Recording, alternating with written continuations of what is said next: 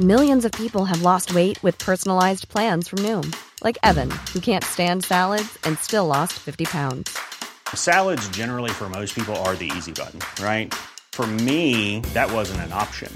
I never really was a salad guy. That's just not who I am. But Noom worked for me. Get your personalized plan today at Noom.com. Real Noom user compensated to provide their story. In four weeks, the typical Noom user can expect to lose one to two pounds per week. Individual results may vary. I'm Sandra, and I'm just the professional your small business was looking for. But you didn't hire me because you didn't use LinkedIn jobs. LinkedIn has professionals you can't find anywhere else, including those who aren't actively looking for a new job but might be open to the perfect role, like me.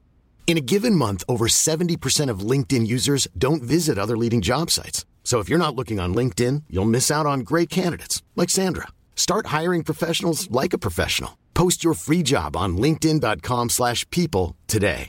Burrow's furniture is built for the way you live. From ensuring easy assembly and disassembly to honoring highly requested new colors for their award-winning seating, they always have their customers in mind. Their modular seating is made out of durable materials to last and grow with you. And with Burrow, you always get fast, free shipping. Get up to 60% off during Burrow's Memorial Day sale at burrow.com slash ACAST. That's burrow.com slash ACAST. burrow.com slash ACAST. Hej och välkommen! Nu är det dags för ett nytt avsnitt av Kära barn. Idag tänker jag hålla mig till barn mellan 0 och 5 år. Det betyder bebisar det också, förstås.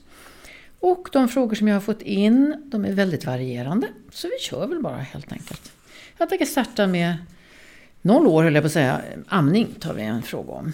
Och en fråga som jag har fått om det är så här. Är det väldigt viktigt att man sitter i en lugn miljö när man ska amma sitt barn? Det här beror ju jättemycket på mor och barn. Vilka är det här mor och barn? Vad har de för temperament och personligheter? Är det första eller sista bebis?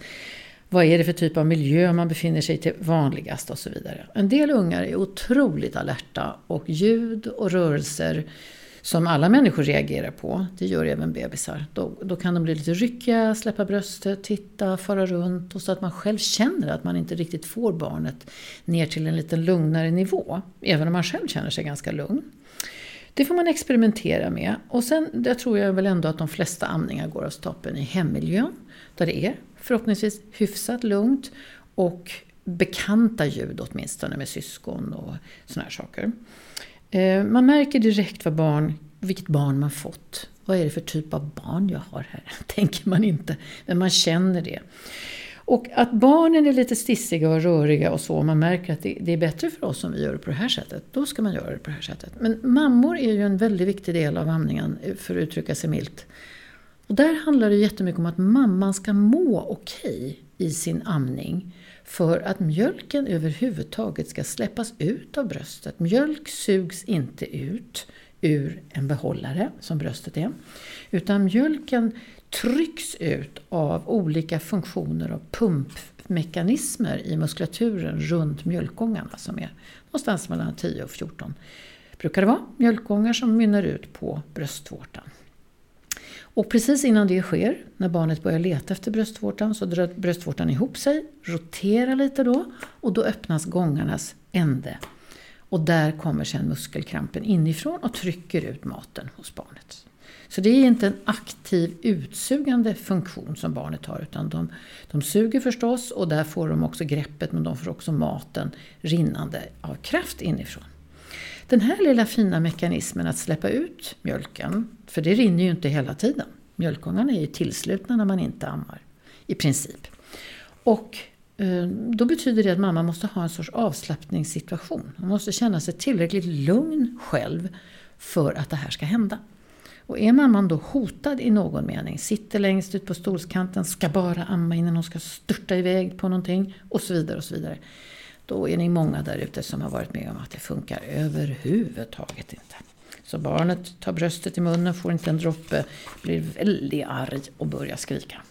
Så det där är liksom en spiral som, som går iväg jättesnabbt och där får man inte en amning att fungera. Så att för mamman är det väldigt viktigt att känna sig trygg. Jag brukar iaktta ett fenomen med amning när man sitter på offentlig plats och ammar. då är det tydligen en hänsynsfull handling mot omgivningen att man lägger Eh, barnet och bröstet innanför en halsduk eller en, en sjal eller någonting sånt, eller en filt. Då får inte barnet någon chans, brukar jag tänka, att titta på sin mamma. Barnet är, när man är liten, under ett halvår till exempel, så är de här 23 centimetrarna som det brukar handla om av skarp syn hos den här lilla, lilla bebisen. Eh, då blir det ju inte någon att titta på. Jag ser ju inte min mamma om jag är under den där duken och liksom ligger gömd för... Ja, kanske mamman tycker att det är för intimt, jag vill inte vara halvnaken framför andra människor och så, det kan jag förstå. Men det är ganska fiffigt om man själv finns där under också. Kryper in med huvudet, alltså lägger duken eller filten från sitt eget huvud och ner över barnet och bröstet. Så att barnet kan titta, för just det är ungefär det exakta avsnittet som är mellan lilla barnet och bröstet. Så att inte barnet liksom hamnar i tält för sig själv. Jag tycker det, man, det finns något som saknas då i deras letande efter att titta på mamma. Ganska snabbt blir de ju såsiga och trötta och avslappnade och väldigt lugna av att maten kommer rinnande. Och då brukar de sluta sina ögon. Men innan dess så är det en viktig plats att kunna titta upp på sin mamma och känna igen detta viktiga ansikte i livet. Så jag tycker nog att det är bra och viktigt med lugn miljö när man ammar. Och jag tror faktiskt att de allra flesta av er söker upp den typen av miljö. Det var den frågan. Sen tror jag vi har en fråga här om en, ett litet barn som inte tänker sätta sig vid matbordet med raka ben och äta och vara tyst och snäll. Det är en flicka, hon säger så här. Hon våg, vägrar att äta, säger mamma. Och vi har alltid konflikter. Vad ska jag göra för någonting för att få den här ungen att sitta vid bordet och äta? Det är en ritual att inta måltid i grupp tillsammans med de viktiga människorna i sitt liv. Och det är en långt mycket större ritual i det hela än, vad ska vi säga, än att få i sig maten. Föräldrar har ju en väldigt stark drivkraft hos barnet på sin sida. Hunger. Man blir hungrig.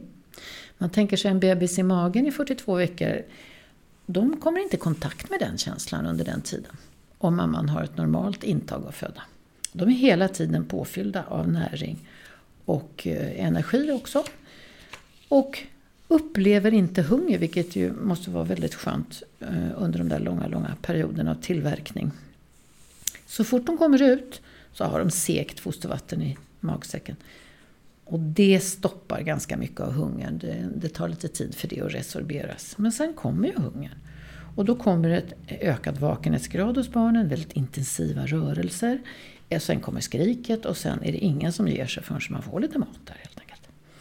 Så den inlärningen gör barnet först när man kommer ut i rummet från mammans inre värld. Och sen är den ju etablerad för gott, den här hungern. Och små barn måste äta ganska ofta. De har en explosiv hjärnutveckling. Eh, bröstmjölken är fullkomligt perfekt i sin tillverkning för att tillgodose energin och näringen för ett litet spädbarn som är nyfött. Men det går åt fort, det sugs upp, det resorberas. Man kan säga att hundraprocentigt ammande barn som inte får någonting annat vid sidan, de behöver inte skrapa ihop så mycket till bajs. En del av de barnen bajsar inte på en vecka, eller till och med tio dagar. Därför att de resorberar i princip allt av vad bröstmjölken består av. Så det kan man säga är en väl, väl kombinerad näringstillförsel helt enkelt när det går åt alltihopa.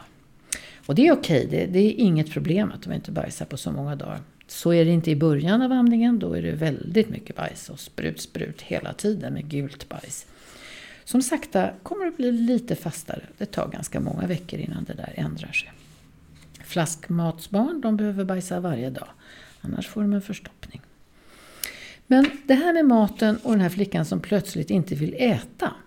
Och hon vägrar att äta och det blir konflikter med, barn, med mamma och pappa. Då är barnet inte så problematiskt orienterat till det men för föräldrarna är det absolut nej till att bråka runt mat. All laddning som är negativ runt mat är någonting som kommer så småningom att kunna utnyttjas av barnet i olika sammanhang av protestliv eller min vilja gäller och så. Så när man tänker så här, okej, okay, vi har en situation, vi vuxna blir arga, det handlar om mat. Lägg ner. Lägg ner omedelbart. Ladda inte mat. Ni har hungern på er sida. Varför vill barn när de kanske är två år, tre år, ännu tidigare ibland, ännu senare ibland, börja styra maten och säga nej? Ja, jag har ingen makt när jag är liten överhuvudtaget. Och ibland upptäcker jag till min förtjusning att ordet nej kan se till att jag får lite makt. En sorts inverterad makt som inte är konkret egentligen, men som på ett otroligt starkt sätt får igång föräldrar.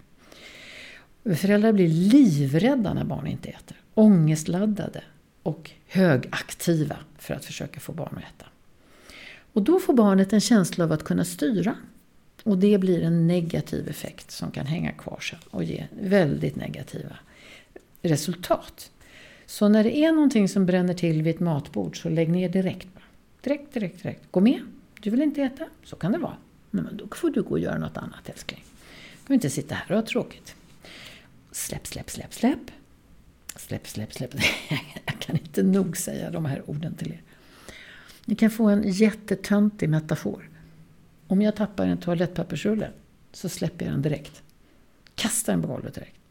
Då har jag väldigt lite att rulla upp. Om jag försöker hala in den och få tag på pappret och tar och trycker, aha, då har jag väldigt mycket att rulla upp sen igen på den där rullen.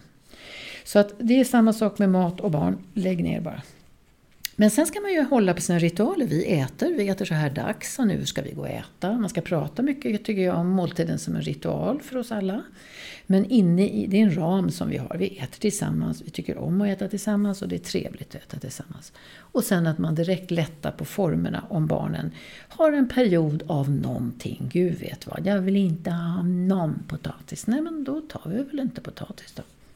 Alla behöver inte potatis. Att det inte blir ett ämne, det blir ingen diskussion. Och barnen i Afrika svälter och du får inte bestämma. Ba, ba, ba, ba. Glöm sånt där fullständigt. Jag hade en väldigt intelligent son, han sa. Han gick och hämtade en plastpåse och så ville han ha ett kuvert. Så skulle han skicka sin mat till barnen i Afrika. Alltså de har lösningar på allt barn. Men eh, gräv inte i saker, försök inte att förstå. Förbjud inte, bli inte arg, håll inte på att reagera så himla mycket. Gör ni det så gå ifrån bordet själva. Nu tror jag att jag måste sluta prata om det där för annars blir det riktigt tjatigt. Okej, okay, nu ska vi ta en sex månaders och gå till sömn. Vår sex månaders son sover jättelite. Vad ska man göra åt det? Måste man se om det är skadligt? Det är faktiskt inte särskilt vanligt ska jag säga dig att sex månaders bebisar sover lite. Han behöver 14-16 timmar per dygn. En del bebisar behöver 18 timmar per dygn. Förstås inte i ett streck, absolut inte eftersom de hela tiden måste fylla på med mat för att hjärnan växer så kraftfullt. Och påfyllning sker vanligtvis varannan till var fjärde timme, någonstans däremellan. Men det är inget schema på det, absolut inte. Man behöver fundera lite på miljön då när man tänker sådär. Varför vill han inte sova den här lille vännen? Kan han vara förkyld? Kan det vara något som gör ont? Föräldrar lär sig väldigt fort att på skriksidan finns det en hel, säga, ett, ett helt register av olika skrik. Och när det har gått ett halvår med en bebis, eller bara tre månader faktiskt, så börjar föräldrarna kunna det där registret. Ja, ja, nu är vi trötta här. Mm, jag förstår. Nej, men vi äter väl lite nu då. Kom, kom. Alltså man lär sig jättefort. Och då vet man också att när smärta finns så låter det annorlunda. Och är det någon, något sånt som låter hos honom när han vaknar till? Att han kan ha ont, att han kan ha en inte så upptäckt öroninflammation. Finns det mycket småsys äldre syskon så får småsyskonen ofta de här infektionerna från förskolorna. Och de är intensiva de första tre åren av ett barns liv. Kan det vara drömmar? Barn drömmer jättemycket. Kan han vakna i liksom uppvaket vara väldigt ledsen och visa tecken på det. Närhet till föräldrar är den allra bästa medicinen, till mamma i specifikt. Att man ligger intill barnet visar en del studier, jättefina studier som är gjorda på beteenden och mammor som går fram till kanske ett barn som ligger på en säng och är jätteledsen och gråter och rör sig oroligt. Och så lägger sig mamman till och med en, en, en halv meter, meter från barnet och egentligen är tyst. Så tystnar barnen. Det var väldigt intressant att se det. Och de erfar mammans närhet direkt, för hennes dofter kommer in i rummet, vissa rörelser som hon har. Och det lugnar barnet med en gång. Det finns ingenting som lugnar spädbarn så mycket som att få en, en jättestark kontakt med mamman som de just har kommit ut ur. Man får säga att mammor har lite försprång. Hon har haft en inneboende i 42 veckor och bebisen har kommit från den världen och reagerar också väldigt mycket på att återfå den världen med doft, rörelse, eh, Eh, system. De vet allting om sin mamma på den punkten. Eh, om han somnar om en gång, då skulle man kunna tänka, och, och, när du räknar samman hur mycket han sover och du kommer upp över 12 timmar, så har han ju egentligen inte ett problem. Och då tycker jag inte att du ska bekymra dig, även om du kan ta upp det vid ett BVC-möte. Och kanske få prata med BVC-läkaren. Sätta upp ett möte för det, för att du vill prata om det. Och, eh, och titta på hans välmående. Om han uppe på det plussar på med helt normal livföring. Han äter gärna, han kissar, han bajsar. Han eh, ler och skrattar och han är ledsen och arg. Alltså att han har hela registret. Och du ser att vikten är normal och längdväxten är normal innanför hans kurva. Då tycker jag inte att du ska vara orolig på riktigt. Men man är ju iakttagande förstås. Så kolla de parametrarna får vi se vad du kommer fram till. Nästa barn här är också sex månader. Han har jättesvårt att somna. Men han somnar gärna i sin vagn. Ja, tänker man ju då. När man är som jag, en gammal tant som pratat mycket om barn. Vad bra! Låt honom sova i vagnen. Han tycker om att ha lite trångt omkring sig, skriver mamman. Och det är en jättebra iakttagelse. Verkligen en jättebra iakttagelse. De kommer ju från ett otroligt hoppressat läge, barn. Och i många, många veckor så är ju det läget maximalt nästan hoptryckt. Så tryck på huvudet, tryck på kroppen, inlindning med, eh, under perioder vid sömnbehovet som är stort eh, betyder mycket stark trygghet. Och egentligen är det en ram man sätter för barnets existens i rummet. Har man en liten bebis som ligger, man lägger ner barnet på rygg, då sprattlar de och deras omklamringsreflex löser ut omedelbart. Och de letar efter liksom något stopp, något tryck, något, någon, någon ram runt omkring sig för att bli trygg. Så hålla, hålla in, hålla mot, hålla ner, trycka på huvudet är något som barn jättemycket tycker om när de är spädbarn. De kan ibland i en liten säng, en liten liksom, korg eller vagga så kan man se hur de håller på med sina benrörelser tills de har hamnat högst upp i den där korgen. Skjutit sig själva dit upp och trycker upp huvudet mot kanten, mot kanske någonting som ligger där, någon mjuk kudde eller någonting. Och då somnar de. Att det kan man inte ge barnet för mycket helt enkelt. Vagnen är ju dessutom möjlig att lägga på tak på, har man ju för det mesta. Och eh, mörka ner lite grann, vilket är jätteviktigt för sömn. Och han känner väggarna runt om, han ser dem till och med. Och eh, det är ett, eh, ett trix, att jag tycker att ni ska låta dem sova där, helt enkelt. För att ni ska göra livet så lätt som möjligt för er. Det här är en tid, sex månader efter förlossningen är man väldigt trött. Alla de här rutinerna börjar nu ta lite form. Bebisens karaktär börjar visa sig lite grann. Och ni är jättetrötta om ni inte visste det. Om ni inte visste det så säger jag det till er. Och gör livet så lätt som möjligt. Här har vi hittat en jättefin sovplats. Låt honom sova där. En jättebra idé. Ibland somnar unga lite bättre om det går lite över stock och sten. Man kan köra lite över en tröskel och sådär. Jag såg något fiffigt för inte så länge sedan att man kan sätta på två, fyra fötter på en vagga eller spelsäng. Och så kunde den gunga lite. Bara skaka lite grann. Ungefär som i vagnen när man är ute och går. Och det är också sånt som lugnar. Så rörelse, närhet och lite tryck på huvudet är sånt som barn, ja det lugnar barn jättemycket. Bära på kroppen är osvikligen det tryggaste barn kan uppleva kan man säga. När man blir buren. De sover mer, de skrattar mer, de är gladare och så vidare. Det om det. Nu ska vi, har jag fått en fråga som handlar lite mer, när kan barn börja sova hela natten? Eh, då får man fråga barn, eller på att säga. Det här med näringsbehov av fjärde timme eller tredje, fjärde timme, det sackar ju sakta av med åldern. Så barn som har kommit upp, ja, i alla fall mot tvåårsåldern, brukar ju klara alldeles utmärkt att sova en längre tid under natten. Nu vaknar ju inte alla barn i två treårsåldern och hunger längre. Utan de allra flesta av de barnen vaknar för att de har drömt någonting väldigt starkt, att de har en stark känslomässig upplevelse, det har blivit för kallt eller för varmt, eller någonting sånt. Och då är det ju omsomning som oftast händer. Alltså det vill säga man blir tröstad, man får vara med, man får ligga hos föräldern. Och eh, kroppen är nära annan kropp och man känner de kända dofterna och så. Det lugnar ju ner barnen jättemycket. Fast man kan nästan vakna i ett gallskrik. Så går ju ofta bra med det där. Och då somnar de nästan alltid om när de får den här närheten. Sömnen löper ju över natten på lite olika sätt. Den börjar ju ofta ganska djupt, sömnen. Insomningen och sen djupsömn. Sen efter eh, några timmar så kommer det att bli en mer... Hjärnan har ett, ett program på två och en halv timme per natt ungefär när den ska rensa dagens eh, upplevelsebank kan man säga. Det vill säga förkasta sånt, behålla, stoppa ner i arbetsminnet, lite tråkigt kartotek sådär men det följer oss genom livet ändå. Och vissa saker ska då ältas, bearbetas, gås runt och sådär. Och vi vet att små, även mycket små barn har det sättet att hjärnan arbetar så. Den, är väldigt, den delen av hjärnans sömn är jätteviktig, två och en halv timme per natt. Den är någonting som måste hända för att man ska hålla sig frisk helt enkelt. Sen så kan det bli en djupsömnsfas igen och sen så börjar barnen komma upp lite högre upp och då startar drömverksamheten.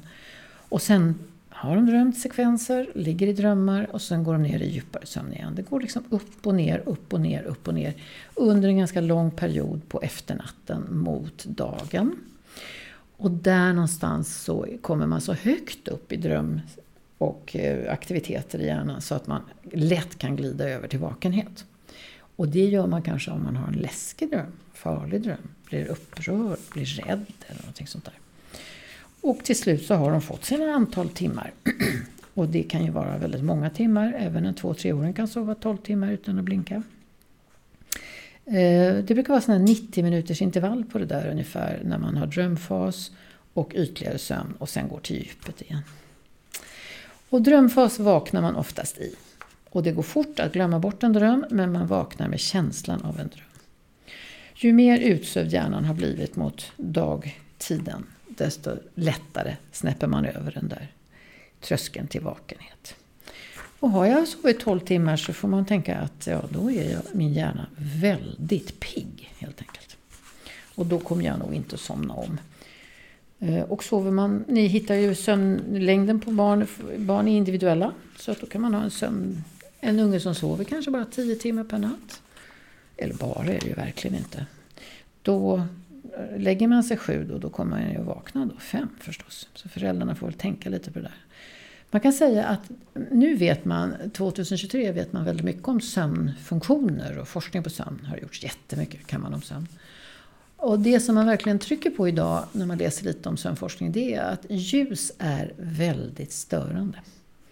Och då tror man väl att det ska vara ljust i, i, rummet, men det är inte det som är problematiken. Utan det är ljus överhuvudtaget. Små ljuskällor bara, en liten strimma ljus eller så.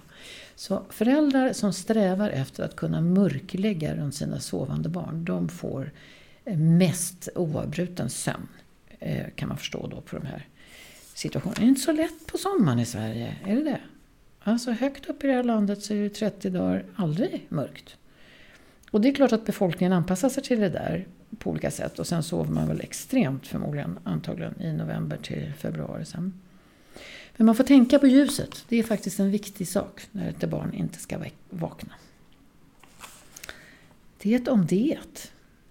Okej, här har vi en tvååring som rymmer från sängen så fort vi går därifrån, säger föräldrarna här i ett brev. Jag tycker det är lite kul. Det får man inte tycka, man ska ge råd här om problem. Men det tycker jag. Alltså har man en, en tvååring som tålmodigt lyssnar på en saga, lyssnar på en liten sång, ligger bredvid en förälder och som gosar lite med mig och får prata lite. Och sen direkt när föräldern går ut genom dörren hoppar han ut. Då är han inte trött. Alltså, alltså nervarvningsritualen eh, som sänggående ritualen bör vara och är för de allra flesta barn och föräldrar. Då varvar man ner, kroppen ligger i ett utsträckt liggande läge. Det betyder faktiskt att hjärnan registrerar det. Och då registrerar hjärnan också att här finns det ingen fara och hot. Jag behöver inte vara på här hela tiden. Jag behöver inte ha koll hela tiden. Kanske kan stänga lite ögon och känna lite saker som är lugna och fina. Och då brukar sömnen faktiskt infinna sig ganska bra hos de involverade. Men om man lägger sig och absolut inte somnar ens av en sån här nattgående ritual, då måste man ändå tänka att då har vi nog lagt oss lite för tidigt för just den här ungen, kan man tänka. Eh, skulle man kunna prova att ni skjuter på sänggåendet, tänker jag, en timme, se vad som händer. Ser man att de börjar gäspa lite grann så kan man hoppa på det där sömntåget jättesnabbt och gå till sängen. Eh, äter de strax innan eller har de inte ätit på länge? Är de lite hungriga de här barnen? kan man också försöka finna ut. Och eh, har vi just lekt världens roligaste lek i en timme och alla är helt uppspelta och jätteglada, då kommer ingen människa att somna. Så funkar det bara inte. Det ger ju då en förskjutning av tröttheten. There's never been a faster or easier way to start your weight loss journey than with PlushCare. PlushCare accepts most insurance plans and gives you online access to board-certified physicians who can prescribe FDA-approved weight loss medications like Wigovi and Zepbound for those who qualify. Take charge of your health and speak with a board-certified physician about a weight loss plan that's right for you. Get started today at plushcare.com slash weight loss. That's plushcare.com slash weight loss. plushcare.com slash weight loss. Ever catch yourself eating the same flavorless dinner three days in a row? Dreaming of something better? Well, HelloFresh is your guilt-free dream come true, baby. It's me, Gigi Palmer. Let's wake up those taste buds with hot, juicy pecan-crusted chicken or garlic butter shrimp scampi. Mm. Hello Fresh. Stop dreaming of all the delicious possibilities and dig in at HelloFresh.com. Let's get this dinner party started.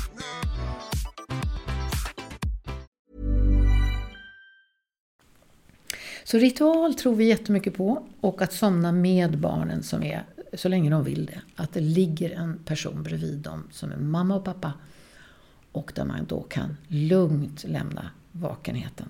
Man får förstå det att hos barn är att somna, det är att separera. Det är liksom den ultima förlusten av kontakten med omvärlden och föräldrarna. Och det gör vi ju gärna eh, när vi är trygga. Så att att att man ska tycka om att somna, det är lite mycket begärt när man är två år. Det har man ingen som helst idé om. Utan det är föräldrarna som somnar lite innan barnet. Men det är fine om ni ligger bredvid barnet. Mm. Mycket frågor kommer ju in förstås om att sova samman och när ska man kunna få ut de där små rackarna till egen säng och sånt. Det kan jag bara nämna några saker som i alla fall går runt i en sån här tants huvud som jag är. Alltså vi har ett sånt liv i nutid där vi separerar från våra barn väldigt många timmar per dag. Och den här, det är intressant då med alla självständiga och självgående och kompetenta föräldrar kors och tvärs i alla tänkbara jobb. Så är det ändå så att alla mammor och pappor, nästan alla ska jag säga, väldigt många föräldrar i Sverige står till förfogande för de här små ungarna på nätterna. Och jag tycker det är så fantastiskt. Det är så otroligt bra gjort. Vi är för långt ifrån varandra. Det är som att vi intuitivt vet det. Lite för många timmar. Ibland träffar ungarna fler andra människor än vad ni, vad ni gör på dagen. Jag vill att du ska få ha access till mig. Och jag vill ha access till dig. Ni behöver båda två snusa in er, komma nära, finnas intill. Och det måste kropp till för att man ska känna den närheten. Och då plötsligt så är vi då allihopa så pass vad ska jag säga, tillgängliga som vi inte kan vara tillgängliga på dagtid. Så finns jag på natten. Jag doftar på natten, jag snusar, jag kanske snarkar, pappan kanske snarkar, vi kanske snarkar hela bunten. Och vi ligger här intill och jag känner alla dofterna och de här benen som rycker och slår och bebisen slänger ut en arm och klipper till sin gamla mamma tvärs över munnen som gör så himla ont mitt i sömnen. Men det händer. Men på det sättet så får man hela tiden, kroppen och hjärnan får hela tiden information. Vi är här, vi är alla här. Det här går bra, vi klarar det här, vi står ut med det här.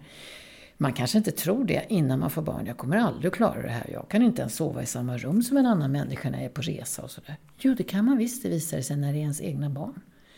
Och barnen mår så himla bra av att kunna fylla på det här med nattritualen, sömnen och den här starka, starka närheten. Så keep it up. Jag tror att vi alla vet att vi kompenserar någonting på ett väldigt bra sätt. Nu så ska vi prata lite om känslor. Här har vi en åtta månader som gnäller och vill bli buren hela tiden. Mamman är helt utmattad. En åtta månaders är ganska fet för det mesta och härlig och stor och kraftfull unge. Väger jättemycket. Så det är inte så himla lätt att orka bara bära hela tiden. Det förstår man. Och eh, mamman säger, jag orkar snart inte det här för det är, han är så himla tung, säger hon. Och eh, den här åldern, det är en passionerad ålder, runt 8 till 10 månader. Barnet har precis kommit upp en nivå i livet till att kunna sitta och kanske börja hasa sig, dra sig, krupa sig, rulla sig framåt. Det går in under att krypa begreppet. Och att kunna göra minsta separativa rörelse bort från föräldrarna som är så oerhört centrala för barnet och viktiga. Och mamman som är med barnet troligtvis ganska ofta långa, de långa dagarna, dygnet. Där är beroendet jättestarkt. Men jag i 8-10 månader, jag är på väg att vilja utforska saker och ting. Jag behöver aldrig sysselsättas på det sättet därför att jag letar hela tiden efter vad kan jag göra, vad jag kan ta på, suga på, slicka på, dra i, slita i, böja, vända, vrida, hålla på. Hela tiden jobbar ett barn på nästa kompetenssteg. Som i barnets fall, åtta månader, kommer att bli så småningom att sitta väldigt kraftfullt och gå, börja gå så småningom. En del till och med ända så tidigt som nio månader. Så de strävar alltid efter att utveckla sina kompetenser utan att blinka hela tiden. Men den här perioden så lyckades jag med det. Jag lyckades krypa bort från min mamma. Jag lyckades dra mig i Matsfransarna och hamnade på en annan sida. Det är en otroligt läskig upplevelse för ett sånt litet barn som alltid har varit attached, liksom suttit på, finns intill, hör till. Mm, alltså, jag har vuxit fast här hos min mamma och pappa. Och då blir det en hisnande känsla för småbarn. Det är vad man antar forskningsmässigt, att de upplever det här. Men så här långt borta kan de känna. Därför så blir de då i takt med sin autonoma läggning nu, jag drar mig bort till, jag kan själv, jag provar själv, så kommer de i kontakt med den där hisnande känslan. Och då så backar man lite i den känslomässiga utvecklingen och vill gärna bli en liten som blir lyft och buren och omhändertagen och vara nära, nära, nära. Det är ganska klassiskt för åtta månaders bebisar. Det är en tid när man bör fokusera på dem lite mer, mammorna, och inte kanske dra sig därifrån eller börja lämna bort och sådär. Så den här tiden är en känslomässigt stark tid för barn. Så även det här då, ja, man bör finnas till hands helt enkelt. Så mycket som möjligt. Till hands betyder dessutom fysiskt, så nära som möjligt. Då är barnen som tryggast och då kommer de utvidga sitt utforskande och våga gå vidare. Det är ingenting som är farligt visade det sig, när man fick prova tillräckligt många gånger. Och eh, jag tänker att ett råd till dig konkret skulle kunna vara köp en ryggsele. Det finns ryggselar av lättmetall som bara har en tygsits som man kan sätta i olika höjder. Du har höftbälte helst så att du avlastar tyngden. Och så är barnet på ryggen på dig, vilket är en fantastiskt bra plats att ha barn på. Därför att då har du en fri framsida, armar, händer, du kan röra du kan göra, du kan hålla på med farliga, varma saker, heta saker, vassa saker utan att det kommer åt barnet eller barnet kommer åt det. De flesta barn tycker att det är fantastiskt härligt att sitta på ryggen och kunna titta över axeln på en förälder, att iaktta det som händer. Man ser också att de sover mer, kanske korta snuttar men det är vad som behövs för småbarn. Hjärnan behöver bara checka ut med jämna mellanrum. Och de är lite gladare och de är väldigt lugna eftersom de då har hamnat i sin gamla välkända rytm också kroppsligt. Så det är någonting som barn tycker jättemycket om. Och det tycker jag du ska prova. Inte bära med armarna. Och inte bära på buken.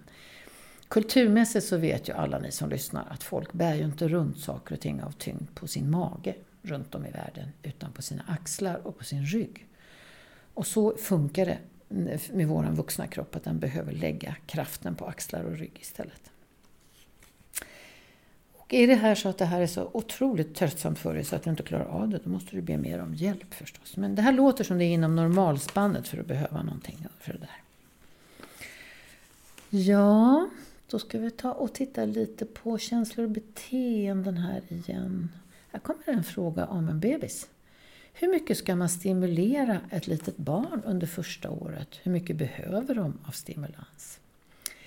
Då kan det vara bra att veta att en liten bebis som föds har ett extremt smalt synfält till att börja med. Det är inte så att en bebis som tittar ut över rummet ser rummet. Utan de kan förstås se suddiga, lite suddigt, men de kan se en ana rörelser. Men de kan inte se skarpt på längre avstånd än 23 cm till att börja med, 20-23. Det betyder att de har en liten, liten tunn spalt av synfält.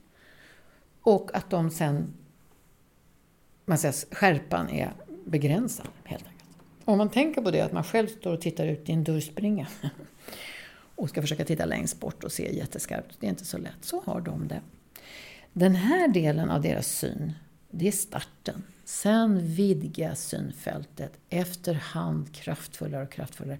Till slut när man är ungefär mellan 11 och 13 år så har man den här väldigt stora graderingen av att se nästan lite bakåt på vänstersidorna. Och för att vara ärlig då så kan man ju putta in att det är först där som man klarar av att vara i trafiken, att cykla själv och sådär. En treåring har så begränsad syn så om han ser en boll rulla ut i vägen så ser han inte att det är en bil på gång på båda andra sidorna. Han ser bara bollen. Och så kastar han sig ut där. Så vaksamheten hos föräldrarna står ju direkt i proportion till hur barnen beter sig synmässigt utan att vi egentligen vet hur mycket och hur lite de ser. Men det som händer för de här småbarnen när de tittar det är ju att de får en väldig stimulans av det som rör sig. Så att den här lilla triangeln som ni vuxna har, öga, öga, mun, där vill de titta jättemycket. Hör gör de alldeles utmärkt, de har en fantastisk hörsel.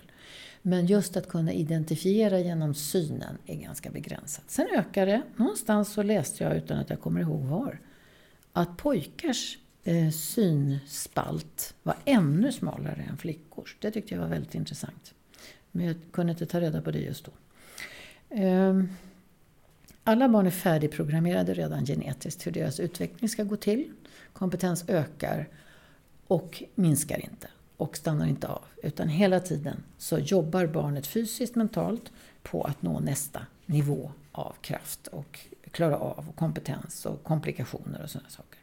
Så det enda man behöver göra när man är tillsammans med småbarn det är att man stimulerar dem och bekräftar dem. Genom att stimulera dem gör man genom att bekräfta barnet. Nämen, kunde du det där? Titta, vad, har du gjort så? Kan du stå där? Åh, fantastiskt! Och, och det gör ju föräldrar helt automatiskt. får inte prata om mor och farmodrar och allihopa, mm, farmödrar. Alla går in med småbarn, eh, spädbarn, går man in på en högre ton än man normalt har. Och tilltalar bebisen. Mm, vem är det som kommer här? Åh, är du vår nya fina lilla gulliga bebis? Ja, känner igen den där? Kurvan. Och det är intressant för så pratar alla vuxna till nya bebisar och deras mammor och pappor. Oavsett språk, oavsett kultur, oavsett ålder. Det tycker jag är jätteintressant. Det finns ett lockrop helt enkelt. Och det effektuerar vi när vi träffar bebisar. Specifika anordningar, lekprogram, bebisbio. Oj, oj, oj. Gå på bio med bebisar. Ja, öppna förskolan. Allt det där är väldigt mycket till för föräldern. För att få lite mer sammanhang, lite mer, vad ska vi säga, lite trevligt, lite nya människor, inte så ensamt Och för bebisarna blir det bonus att man får komma till andra människor. Och, beb och bebisar får också se bebisar. De är förundrade över detta fenomen ganska länge. Så att eh, om ni bekräftar era barn när ni ser att de har reaktioner på olika saker så räcker det jättemycket. Det finns ingen anledning att stimulera små spädbarn. De är stimulerade per se av själva livet. Jag tror att pappas slipsmönster kan räcka hur länge som helst för en liten bebis om jag ska vara ärlig. Det kommer att eh, handla om att förstå nu framöver snart. Och eh, till dess så blir det bara intryck på intryck på intryck på intryck hela tiden. Ja, ska vi ta en beteendebit till här. Vår son är två år. Han har börjat stamma. Vad beror det på? Kommer det att växa bort av sig själv? Tvååringar är oerhört intensiva för det mesta. De är på topp av sin jag, jag är jordens mittpunkt, om ni ursäktar. Det är liksom en självklarhet för dem. De har inget raster känslomässigt som bromsar dem ut mot världen. Känner, känner jag någonting så kommer det ut. Ut i osensurerat skick och med den kraft som jag besitter. De har absolut har inget konsekvenstänkande på den punkten att de skulle kunna tänka lite innan de, det händer att de kan hålla tillbaks eller styra och reglera en känsla. Att de skulle kunna vara väldigt rädda och ändå hålla koll på vad de yttrar till världen. Femåriga mannen man klarar det, om man har mått bra hela livet. Så en tvååring som precis börjar erövra två treordsmeningar, börjar få lite mer sammanhang på det utpratet, måste jag kalla det för. Inpratet, höll jag på att säga. Förståelsen för ord och eh, resonemang och tilltal och så. Det har de erövrat länge. De har en enorm bank av ord och uttryck inom sig. Och bara det att de inte kan uttala det. När man är två år så börjar man kunna säga ett tvåords, två treords saker. Och så. Men man får ibland stanna upp och så får man leta lite i tankarna. Så det är en, en viktig regel för barn som ligger i det första språnget in i språket. Det är att absolut ha tålamodet och vänta tills barnet har liksom kommit fram till ordet som hjärnan letar efter medan de vill säga någonting. Och då är det en viktig sak att tänka på, för en del barn vill då dra på det där ordet lite. Men om, om, om, om, om, om, om. De kan röra sig, de kan titta runt i rummet, de kan vifta med händerna och sådär, och armarna. Medan det där ordet ska forma sig till om, om, om, om, om, om, pappa kommer. Väntar ni så kommer det. Så småningom så går det andra gången att säga det mycket fortare då. Och fort är inget bra när det gäller inlärning av språk. Så man får hålla igen lite grann. Och en sak som man ja, helst ska förbjuda sig själv om det går, det är att fylla i. Om, om, om, om, om, om. Du menar om pappa kommer? Där tog det stopp hos barnet. Då slutar hela hjärnletandet. Så gå inte in och tala klart åt dem. De har för mycket att säga på något sätt. De är ivriga, de är stressade ibland, de är trötta ibland. Och då får det haka upp sig hur mycket som helst. Och väntar man ute så kommer nästan alla barn att lösa det där helt själva. Utan att det får några konsekvenser på sikt. Om man skulle ha en stamning som accelererar, en stamning som blir väldigt påtaglig och störande, då ska man söka hjälp hos en logopedmottagning och få det där tittat på för att se vad som kan finnas som grundorsak till det. Mm. Nu ska vi se här. Jag tänkte att vi skulle ta och titta på eh, lite andra aspekter. Vi lever alla i relationer, tänker jag. Och det kan vara viktigt att, eh, att titta lite på det spelet som pågår i relationer. Om man tittar på första levnadsåret och till exempel säger det här, fick jag en fråga här från en mamma. När kan man börja säga nej till barnet? Men det gör du redan. Det gör vi hela tiden. När ungen sparkar lite för hårt inne i magen till exempel. Så, nej, ja, åh, sluta. Det där ordet har de hört hela sitt lilla liv, fosterliv. Det är ett väldigt viktigt ord. Och det finns där hela tiden. Och så småningom kommer barnen att bli världsmästare på att använda det själva. Men bara som en kommentar kan jag säga att det där ordet har vi med hela tiden. Liksom. Nej, oh, oj, rulla inte ner från sängen. Nej, nej, och nu, nu ska vi varför? Nej, ta inte det där. Nej. Det finns där precis hela tiden. Så jag tänker att vi behöver inte ha så mycket regler och undra när man ska börja säga nej. Utan du reagerar, någonting händer. Ofta handlar det om barnets fara och risk för, fara, för barnet. Och då rycker du ut och då är ordet nej på plats med en gång. Verkligen. Jag har fått en fråga här om barnvakt. Ska vi ta in barnvakt till vårt barn?